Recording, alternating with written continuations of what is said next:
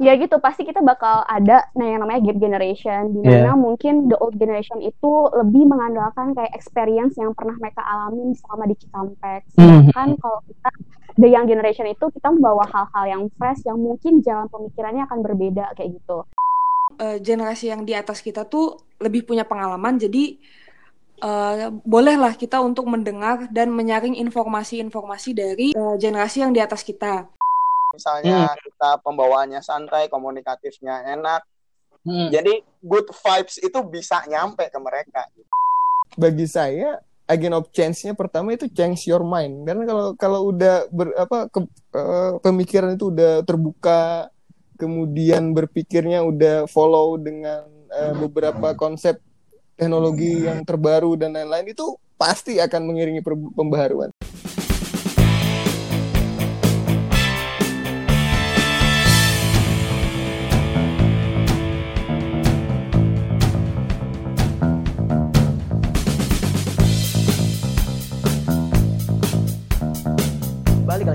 Bincang Tambang Podcast by PSMNK.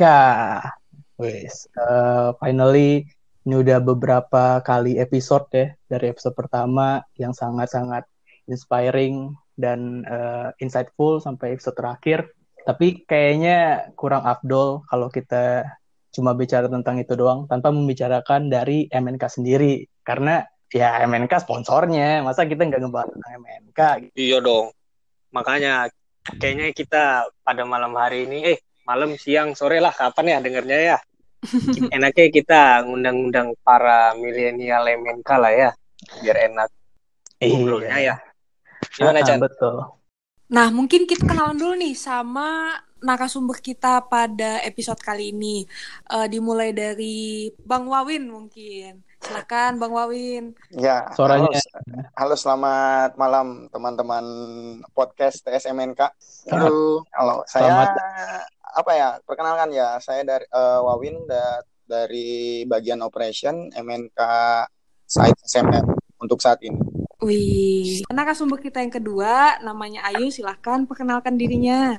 Halo semuanya, kenalin aku Ayu. Di sini uh, aku perwakilan dari MNK Cikampek, bagian production, utamanya di proses engineering. Oh iya, yeah. jadi udah berapa cowok yang hatinya dipatahkan oleh Ayu?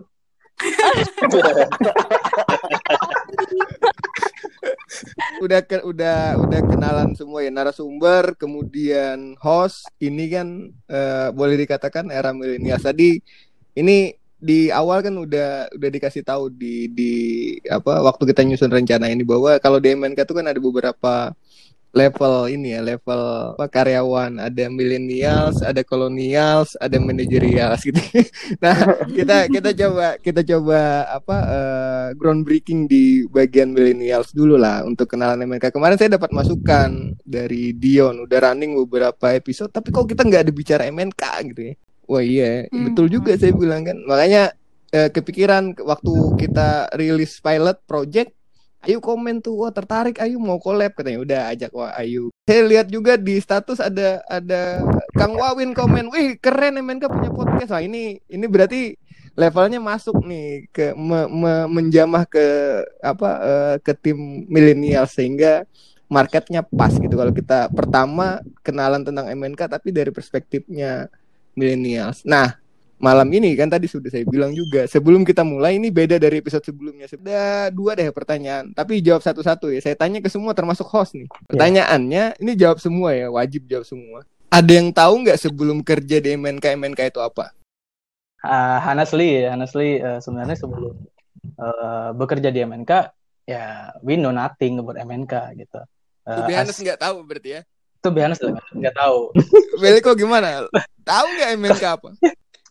Kalau saya sih baru-baru lulus dulu itu ya bener-bener gak tahu sih pak. Cuman semenjak dulu ada pembukaan di apa di kampus, nah itu baru tahu. Cuman ya. Tapi tahu nggak MNK aja kerja ini? Tahu kerjanya di bidang apa MNK tahu nggak?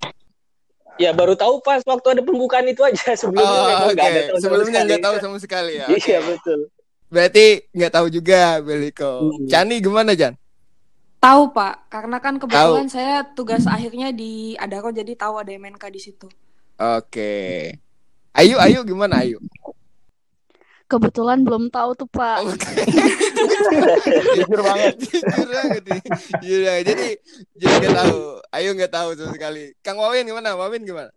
Kalau pertama ini MNK sejujurnya sih udah tahu sih Pak karena waktu Hmm. pertama kerja praktek itu kan bersinggungan sama apa sama tetangga sebelah sering dengar nama Hmm. MNK itu kayak gimana cuman kalau Hmm. secara keseluruhan kalau MN, MNK sampai ke supplier terus manufaktur aksesoris dan lain-lain belum tahu jadi cuman sebatas oh MNK itu ada dan sebagai kontraktor buat di bidang belasting. peledakan gitu. Oke. Iya. Jadi ini ini kita udah survei gitu ya dari lima orang yang ada di ruangan ini tiga nggak tahu dua eh, tahu tapi mungkin minim. Karena dengar-dengar pertama tahu karena ada di set kalau nggak ada kebetulan di set nggak kenal kedua eh, tahu karena gara ada sering dimention oleh eh, tetangga sebelah pada saat KP jadi boleh dikatakan 80% nggak tahu MNK itu apa gitu. Ya. pertanyaan kedua ya pertanyaan kedua. Lap dari dari lima orang 80% eh, boleh dikatakan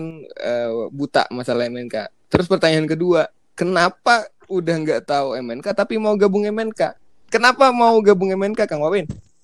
Nah, gabung MNK ya semenjak apa ya Pak? Eh, di awal sempat juga masuk eh, sebelum masuk ke MNK kerja juga di salah satu perusahaan Hmm. dan kebetulan tuh di rootnya itu bekas eh, kerja juga di MNK. Jadi udah Hmm. tahu dengar lah MNK tuh seperti apa apa dan Hmm. bagaimana prospeknya tuh udah tahu lah.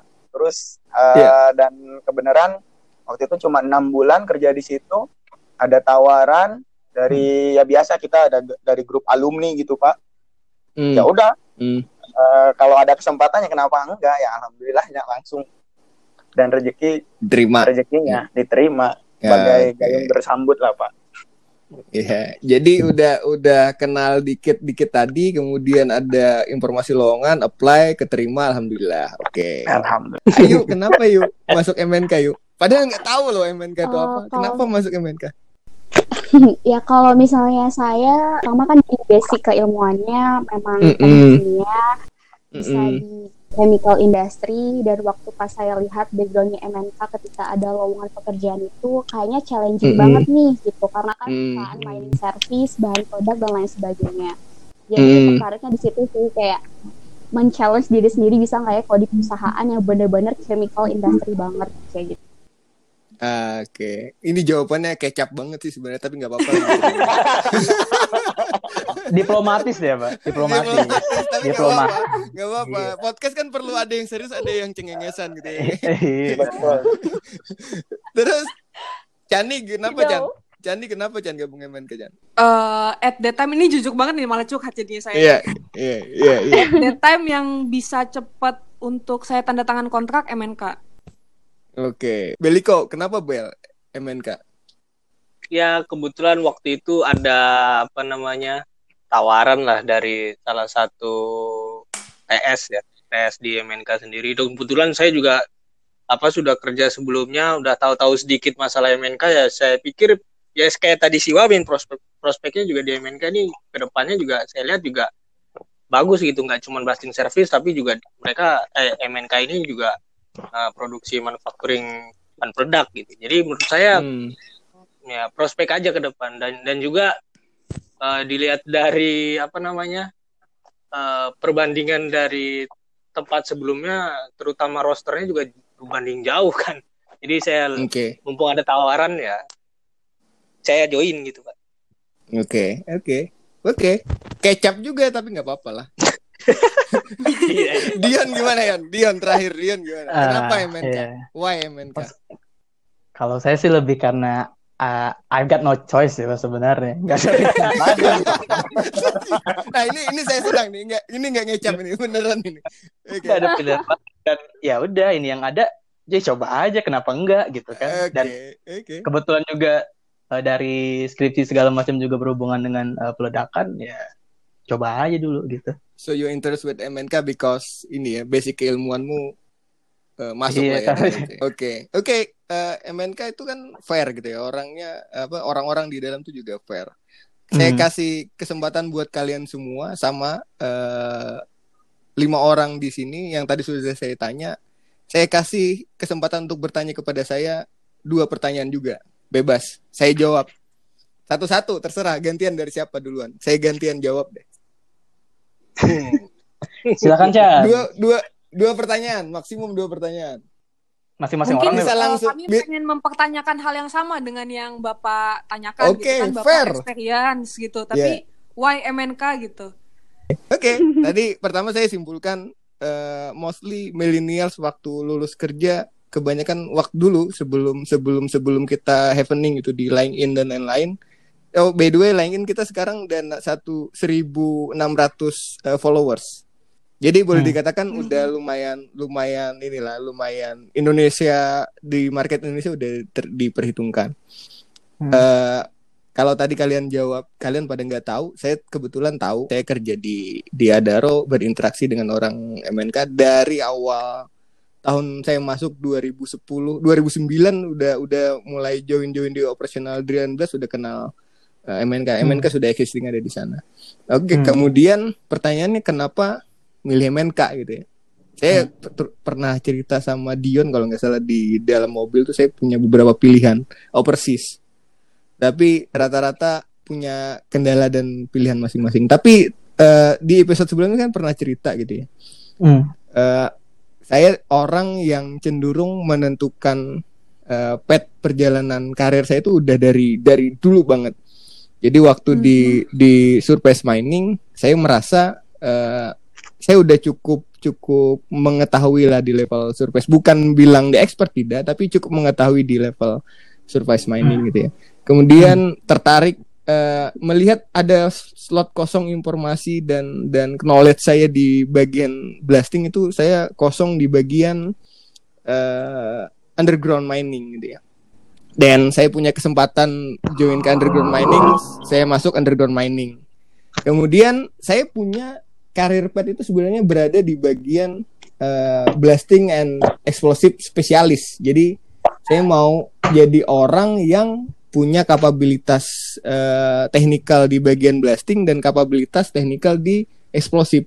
Slot dua slot ini udah kejawab, cuma satu slot eksplosif saya belum punya gitu. Jadi pilihan selanjutnya yang paling idealis berarti saya memilih blasting services dong. Blasting services yang produksi bahan peledak, yang produksi eh, jasa dan memberikan jasa peledakan. And then saya gabung saat itu dengan MNK. Kenapa saya milih MNK? Karena itu. Jadi sebenarnya saya udah merencanakan karir pet saya itu di ujungnya itu jadi eh, apa eh, orang yang mempunyai kapabilitas teknikal di bagian eh, blasting dan mempunyai kapabilitas di bidang eksplosif.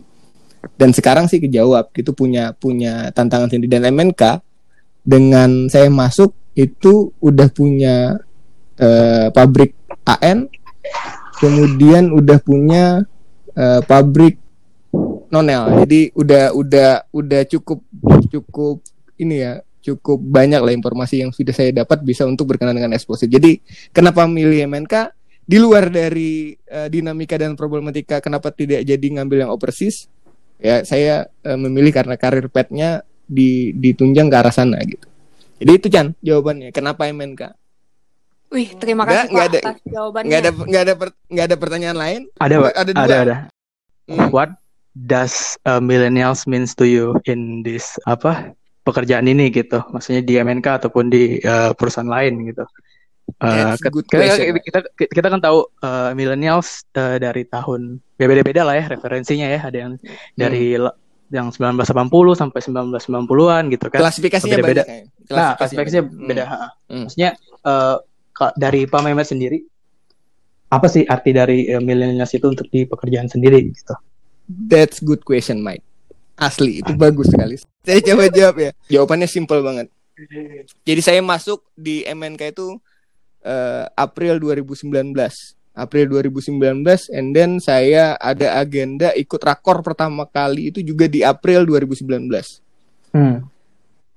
Jadi saya disuruh dikasih template, template presentasi dua slide, disuruh Hmm. bikin eh, presentasi pertama eh, apa apa yang di capture dari kondisi saat ini, dan kemudian slide kedua apa yang mau dilakukan uh, di di periode berikutnya. Jadi setelah melihat kondisi sekarang, existing condition, kemudian uh, what next future-nya gitu. Ya. Apa future plan-nya kita di di departemen TS saat itu. Kita bicara TS yang saya memimpin TS. Jadi begitu saya masuk itu template-nya yang pertama saya lihat gitu. Template-nya man pernah lihat presentasi. Saya yakin lah Ayu paling sering udah ngelihat presentasi saya MNK tahu. dulu. Emang gimana uh, bentukannya? Uh, kalau dari pendapat aku ya, aku juga pertama kali lihat kayak misalnya buat presentasi kan misalnya ngebantuin supervisor kan kita ada template presentasinya gitu kan. Pas Mm-hmm. pertama kali melihat kayak first impression aku adalah monoton kayak kalau ya kayak gitu. Jadi kayak ya aku kalau misalnya saya pingin ganti tapi kayak ini udah template ininya nih gitu kan. Tapi Hmm. lama kelamaan oh bisa di dimodifikasi, diganti dikit kayak gitu. Hmm. Jadi prinsip Dan sama sih, sama yang kayak saya lihat itu. Wow, Hmm. Iya kan? wow, ini saya bilang astaga, saya bikin presentasi kayak gini di template kayak gitu gitu. Itu Hmm. itu itu benak yang pertama saya dan saya saat itu rakor pertama yang har- har- harus presentasi ke hadapan kan di rakor itu ada BOD gitu, ada BOD, ada BOD dan ada GM. Hemat Hmm. saya presentasi kayak gitu tuh enggak Mm-mm. bagi saya artinya nggak informatif nggak nggak eye catching gitu ya dan Hmm. saya rubah lah per- apa eh, template presentasi masih versi sebelum Dion gabung lah sekarang kan udah di dipermak lagi sama Dion gitu. sebelum Dion gabung dan saya cari apa yang MNK sudah sebenarnya punya tapi orang nggak tahu sama sekali. Dan karyawan MNK bahkan nggak tahu itu logo logo logo MNK betul sih apa tidak gitu ya. Dan saya masukin tuh eh, logo-logo produk MNK masukin Mm-mm. produk MNK kemudian eh, permak sedikit. Ini di luar dari konten ya di luar konten materi saya berbicara membuat paparan eh, sedemikian rupa supaya menarik dan orang melihat langsung tertarik begitu. Ini langsung tertarik. Dalam sesi itu sebenarnya kita cuma dikasih kesempatan berbicara cuma 15 menit. Karena Hmm. ada sekitar 30 manajer itu di- disuruh bicara cuma 15 menit satu orang. Dan masuk lagi giliran saya gitu ya. Dua slide. Saya tetap tetap pegang dua slide. Saya tetap pegang dua slide dengan eh, kaidah yang sudah diberikan tapi saya nggak pakai sama sekali tuh formatnya yang dikasih oleh default oleh MNK saya permak abis. Saya bikin baru Hmm. Ya, jadi impresi pertama yang saya lihat perusahaan ini butuh eh, butuh perspektif dan view yang lebih milenial. Artinya orang orang perlu perlu perlu dikasih gambaran bagus lah supaya ngerti MNK itu juga punya punya sisi milenialsnya karena itu old school banget yang dulu dulu tuh old school banget. Itu Hmm. perlu diperbaharui, perlu diupgrade. Itu impresi pertama saya dari sisi dan siapa yang bisa melakukan itu ya siapa lagi kalau bukan millennials betul nggak? Yang Hmm. bisa Betul. menggeser menggeser sebelumnya apa perspektif sebelumnya ke pers- perspektif baru tuh ya siapa lagi kalau bukan millennials itu sendiri gitu. Jadi pertanyaannya kena bagaimana apa eh, apa sih eh, pendapat saya tentang millennials di MNK? Millennials di MNK itu sangat memberikan perubahan dan warna baru untuk MNK untuk jauh lebih maju. Podcast ini juga karena siapa? Karena karena millennials.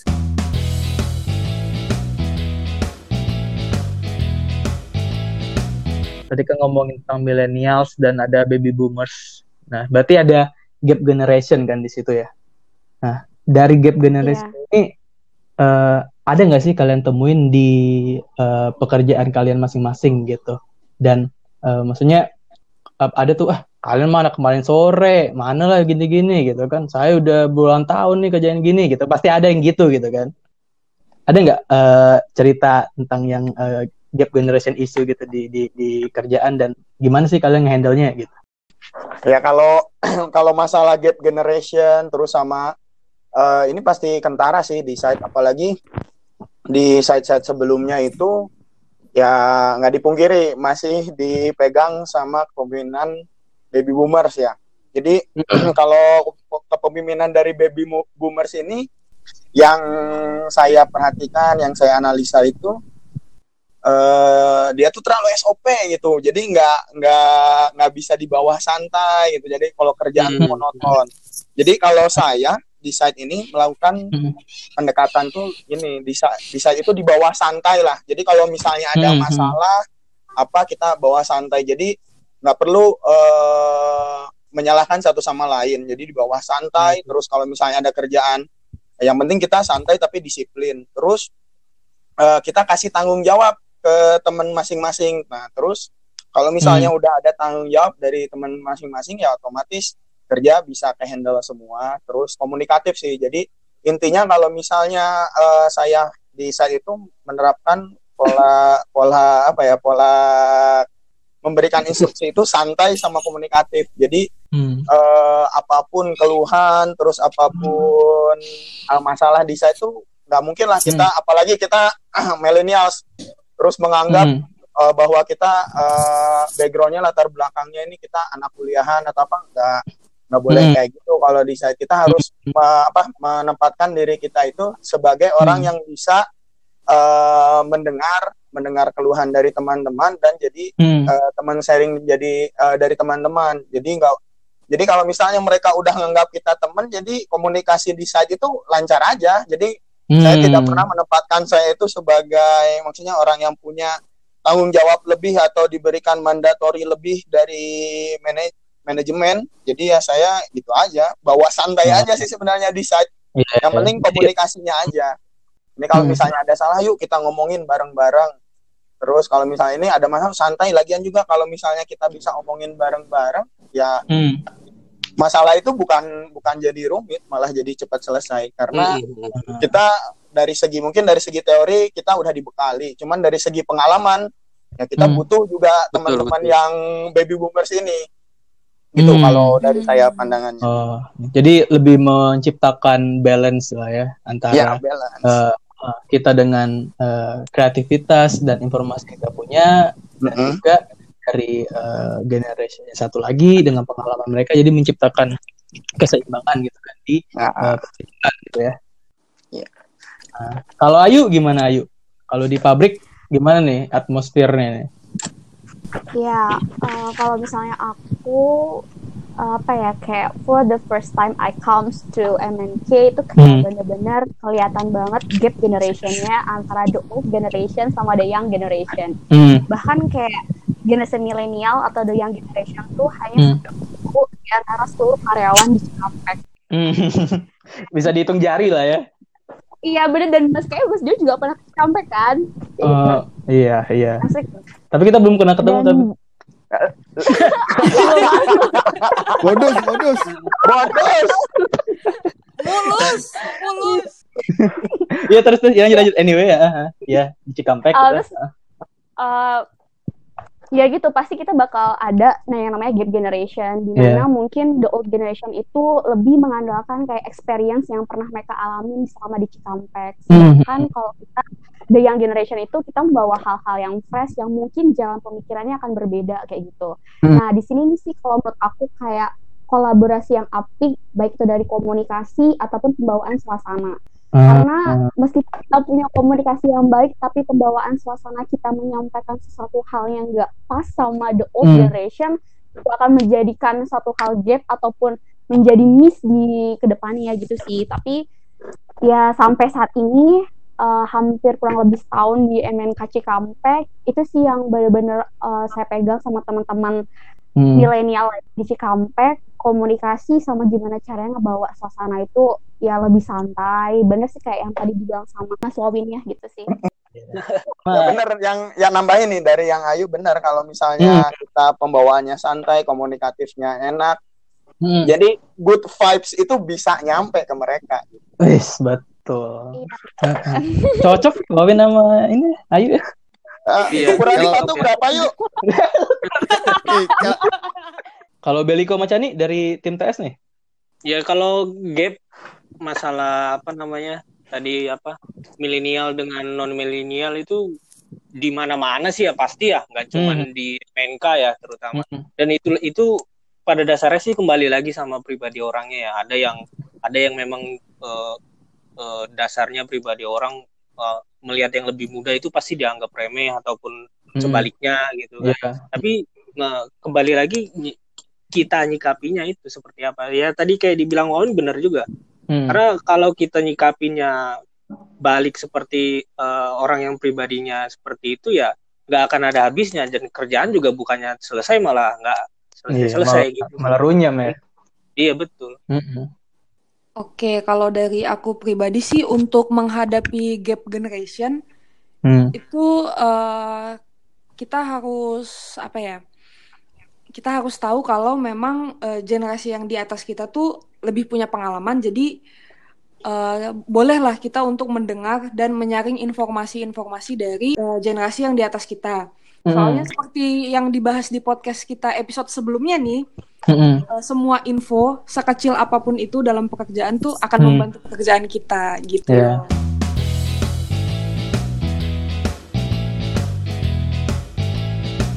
ada pertanyaan eh, pertanyaan nih ke ke Dion. Jadi nggak tahu ki- kita kita ambil ini aja, ambil ambil perspektif masing-masing ya. Di, di Hmm. operation di Wawin kayak gimana, di Ayu kayak gimana, di TS juga kayak gimana. Di Hmm. di TS kan nanti kita bisa representatif ke Handil dan dan inilah dan eh, Busdep ya.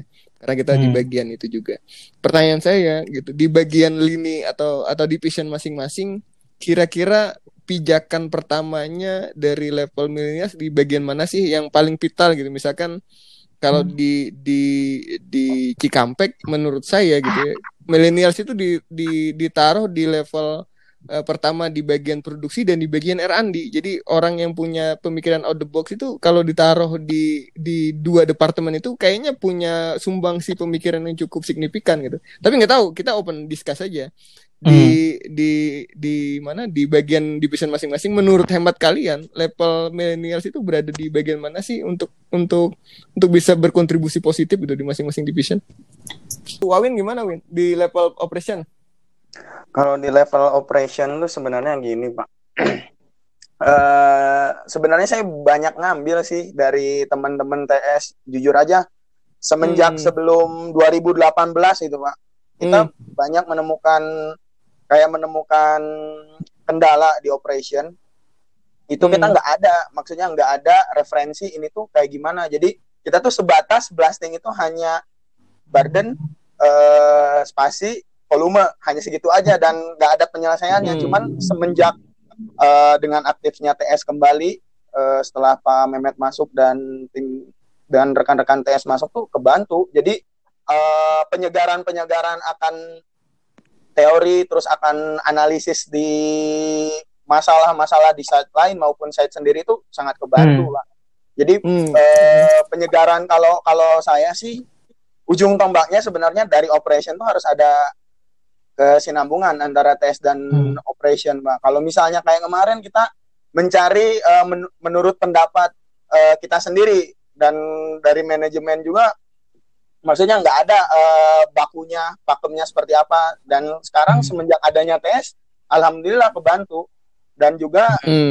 komunikasinya juga ya kebetulan kita satu generasi ya kayak misalnya kayak Hmm. kemarin ke Dion sempat Iya, kan iya. ke Dion terus eh, ke Arbi yang terutama yang udah lama sering komunikasi Hmm. sama Arbi Hmm. itu ya alhamdulillah kebantu pak jadi eh, benar Hmm. jadi antar departemen itu eh, harus harus berkesinambungan. Jadi kalau misalnya Hmm. operation jalan sendiri ya Hmm. gitu-gitu aja MNK nggak nggak terlihat wow gitu. Dari dari segi eh, buat problem solving di lapangan.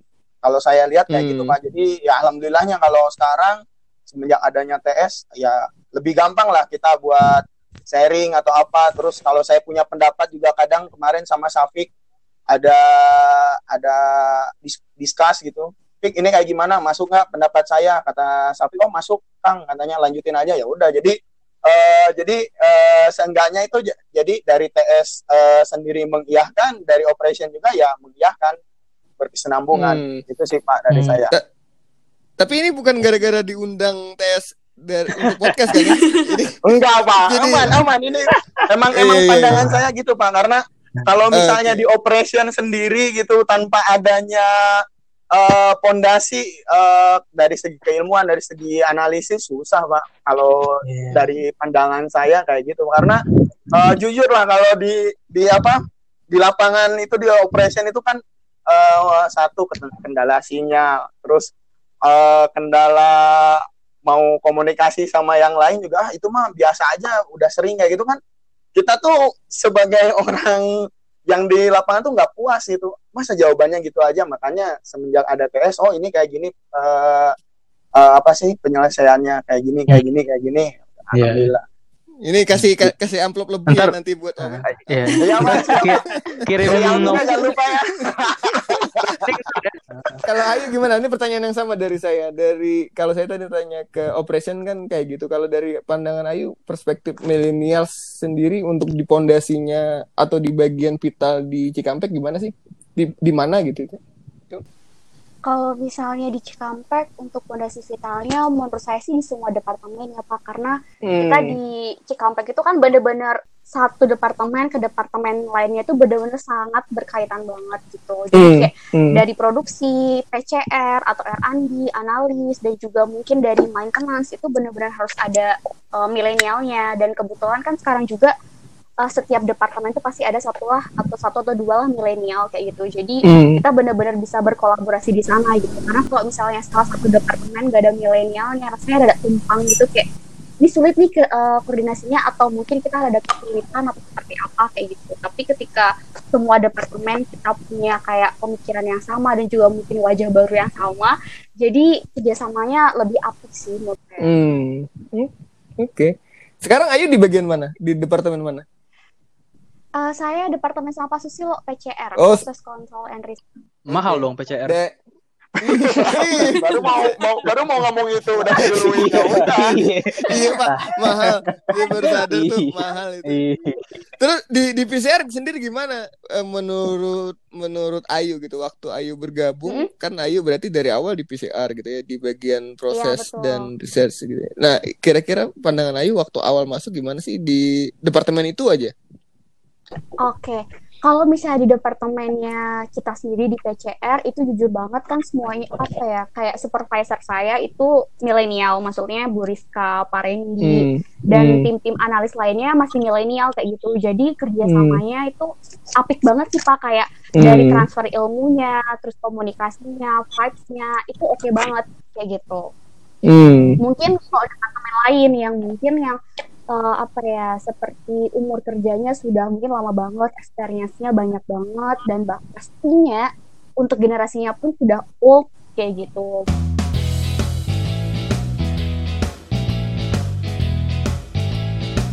Jadi kalau yang Hmm. saya tangkap eh, Pak Slamet ini kan eh, mengharapkan millennials ini sebagai agent of change. Ya. Nah, kita berlima di sini kan datang dari divisi yang bisa dibilang beda-beda. Nah, Ya. apa sih change yang mau dibawa ke untuk MNK gitu dari masing-masing kita yang ada di sini? Oke, yang pertama itu mental perubahan yang harus dibawa. Iya, mental perubahan, mental perubahan karena saya percaya eh, semua itu prosesnya menular loh. Jadi Hmm. jangan jangan dikira Iya. hanya cacar yang menular atau ketika orang menguap orang di sebelahnya menular itu enggak. Tapi Hmm. eh, semangat perubahan itu juga menular. Saya percaya itu sangat sangat sangat menular itu. Ini ambil Hmm. contoh di saya gitu, ya. ambil contoh di saya waktu saya kemarin tadi saya bilang saya presentasi di rakor itu, rakor pertama di April 2019, di rakor kedua itu template saya udah dipakai di mana-mana.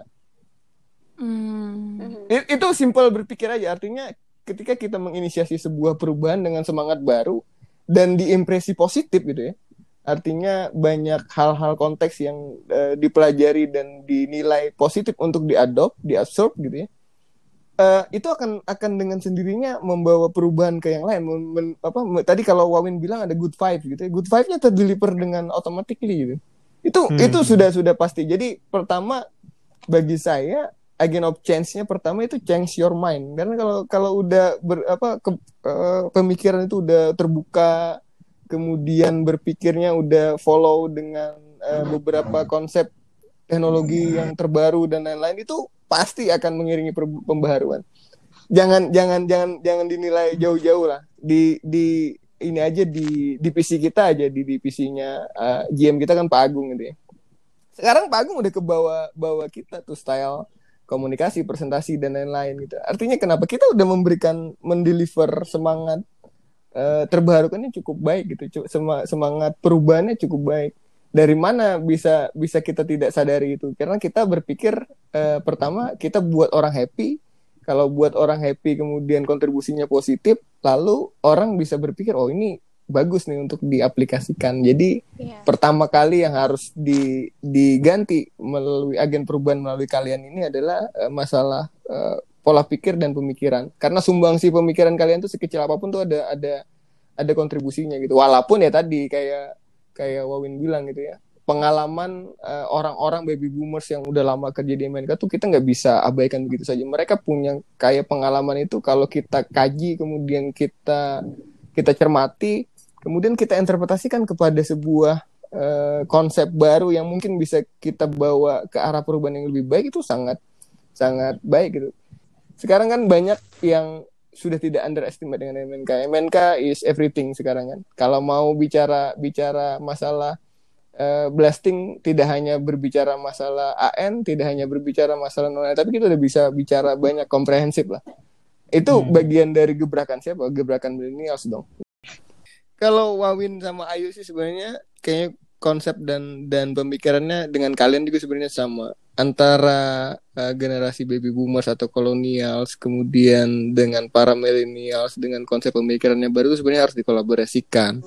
Jadi satu sisi uh, mengambil kelebihan dan pengalaman yang dimiliki oleh para baby boomers dan para kolonials tadi dikolaborasikan dengan konsep pemikiran yang out of the box dari para millennials dan semangat terbarukannya tadi itu bisa saling kolaborasinya saling klop tuh kalau bisa dijalankan ya, bicara bicara itu kan sekarang kita sudah mengarah ke sana walaupun ekspektasinya sebenarnya masing-masing punya ekspektasi yang berbeda lah ya tapi saya terus terang yeah. happy sih dengan kondisi sekarang itu happy dengan maksudnya uh, kita kita sudah cukup cukup maju dari kondisi sebelumnya untuk masalah personal branding kita sudah cukup mm-hmm. maju dari sebelumnya masalah proporsionalisme untuk masalah pelaporan, presentasi dan lain-lain. Kita sudah cukup capable untuk tampil di beberapa event gitu yang lingkup mm. ajangnya mulai nasional sampai internasional. Artinya kita udah mengarah ke sana, tinggal dibantu nih dengan semangatnya Chani, eh, Dion, mm. Beliko, eh, Wawin, Ayu dan tim yang para milenials yang ada di seluruh lininya MNK ini membantu lah ke arah sana biar kita hmm. bisa jauh lebih baik kan daripada sebelumnya gitu kan. Siapa yang sekarang ambil contoh deh podcast di Indonesia pertama kali men. Pertama hmm. kali nih tam masalah tambang berbicara bahan peledak itu MNK yo. Yang di belakang tuh followers. Iya. Kita pioner. Pioner. Kita pioner. Itu simple aja simple. Sekarang balapan kan di tidak hanya di masalah masalah ini ya masalah produk. Sekarang ya anggaplah kita produk masih dalam negeri dan kemudian uh, mungkin dianggap sebelah mata oleh orang karena bukan bagian dari teknologi luar. Tapi jangan salah loh produk-produk kita itu sangat sangat diperhitungkan di di ini. Produk emulsion kita diakui bagus. Buktinya banyak customer yang gunakan produk emulsion kita Produk Anpo iya. kita juga cukup disegani, di, cukup banyak yang pesan di bahkan sampai kita iya. bikin pabriknya di Cikampek kan karena marketnya cukup iya. banyak buat itu gitu. Iya. iya. Artinya dan bahkan, ini hanya masalah ini hanya kita, masalah ini aja. Uh, saat ini sih kita apa namanya nggak cuma hanya di bidang eksplosif aja, tapi mungkin nanti kita sedang merencanakan AN di bidang yang lain, misalnya fertilizer hmm. atau pupuk. Itu oh, bisa itu. banget buat buat ini apa namanya peluang-peluang pasar untuk MNK jadi nggak cuma eksplosif tapi bisa fertilizer atau hmm. industri lainnya. Jadi luas banget dan uh, ranah pasarnya cukup besar gitu. Betul yuk. Karena nah, dari namanya aja multi kan? Iya multi. Multi. Betul betul. Segalanya bisa ya multi. Segala bisa. Multi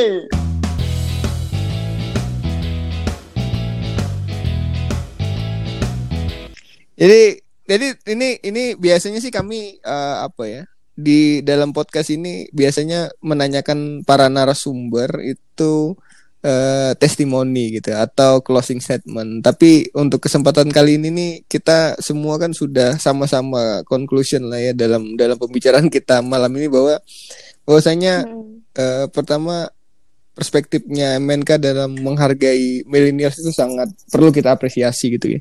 Kita kita mengakui uh, dengan keberadaan milenials itu kontribusinya sangat positif. Buk buktinya adanya Dion, adanya Chani, adanya Beliko, adanya Kang Wawin, adanya Ayu itu merupakan bukti bahwa MNK memberikan kesempatan yang sangat terbuka bagi para milenials untuk bisa turut bergabung dan membesarkan MNK. Sekarang MNK yang dari awal bisnis prosesnya hanya menjual AN saja kemudian merambah ke blasting services, dan kemudian merambah penjualan initiation system ya aksesorisnya. Sekarang juga menyu, apa merambah ke bisnis jasa uh, peledakan dan jasa konsultannya juga itu karena apa? Karena ada millennials juga sumbangsinya di dalam. So uh, saya sih berharap nih semua kalian gitu ya, Dion, Chani, Beliko, Wawin, Ayu itu tetap memberikan semangat terbarukan kepada MNK supaya MNK jauh lebih baik dari sebelumnya. Siap. Jadi itu tadi ya tentang MNK dan juga anak-anak milenialsnya gitu. Dan ya, tidak cuma hanya kalian kan? Dan tidak ya, cuma hanya kalian kan? Semuanya Pak, semuanya yang ada di MNK. Semua yang semua komponen uh, yang ada di MNK, yang milenial, sama milenial semuanya. Tapi tetap balik lagi ke tadi kita mencari uh, keseimbangan tadi di mana uh, gap generation tadi bisa lah kita minimalisir gitu kan. Sehingga uh, kita tetap uh, berkolaborasi tetap dalam satu prinsip satu perahu tadi tetap kita jalankan gitu kan. Jadi hmm. Amerika bisa uh, melesat jauh ke puncak. Apa sih tadi? Kayak, kayak lagu ini deh lagu yang api api pencarian. Puncak. gitu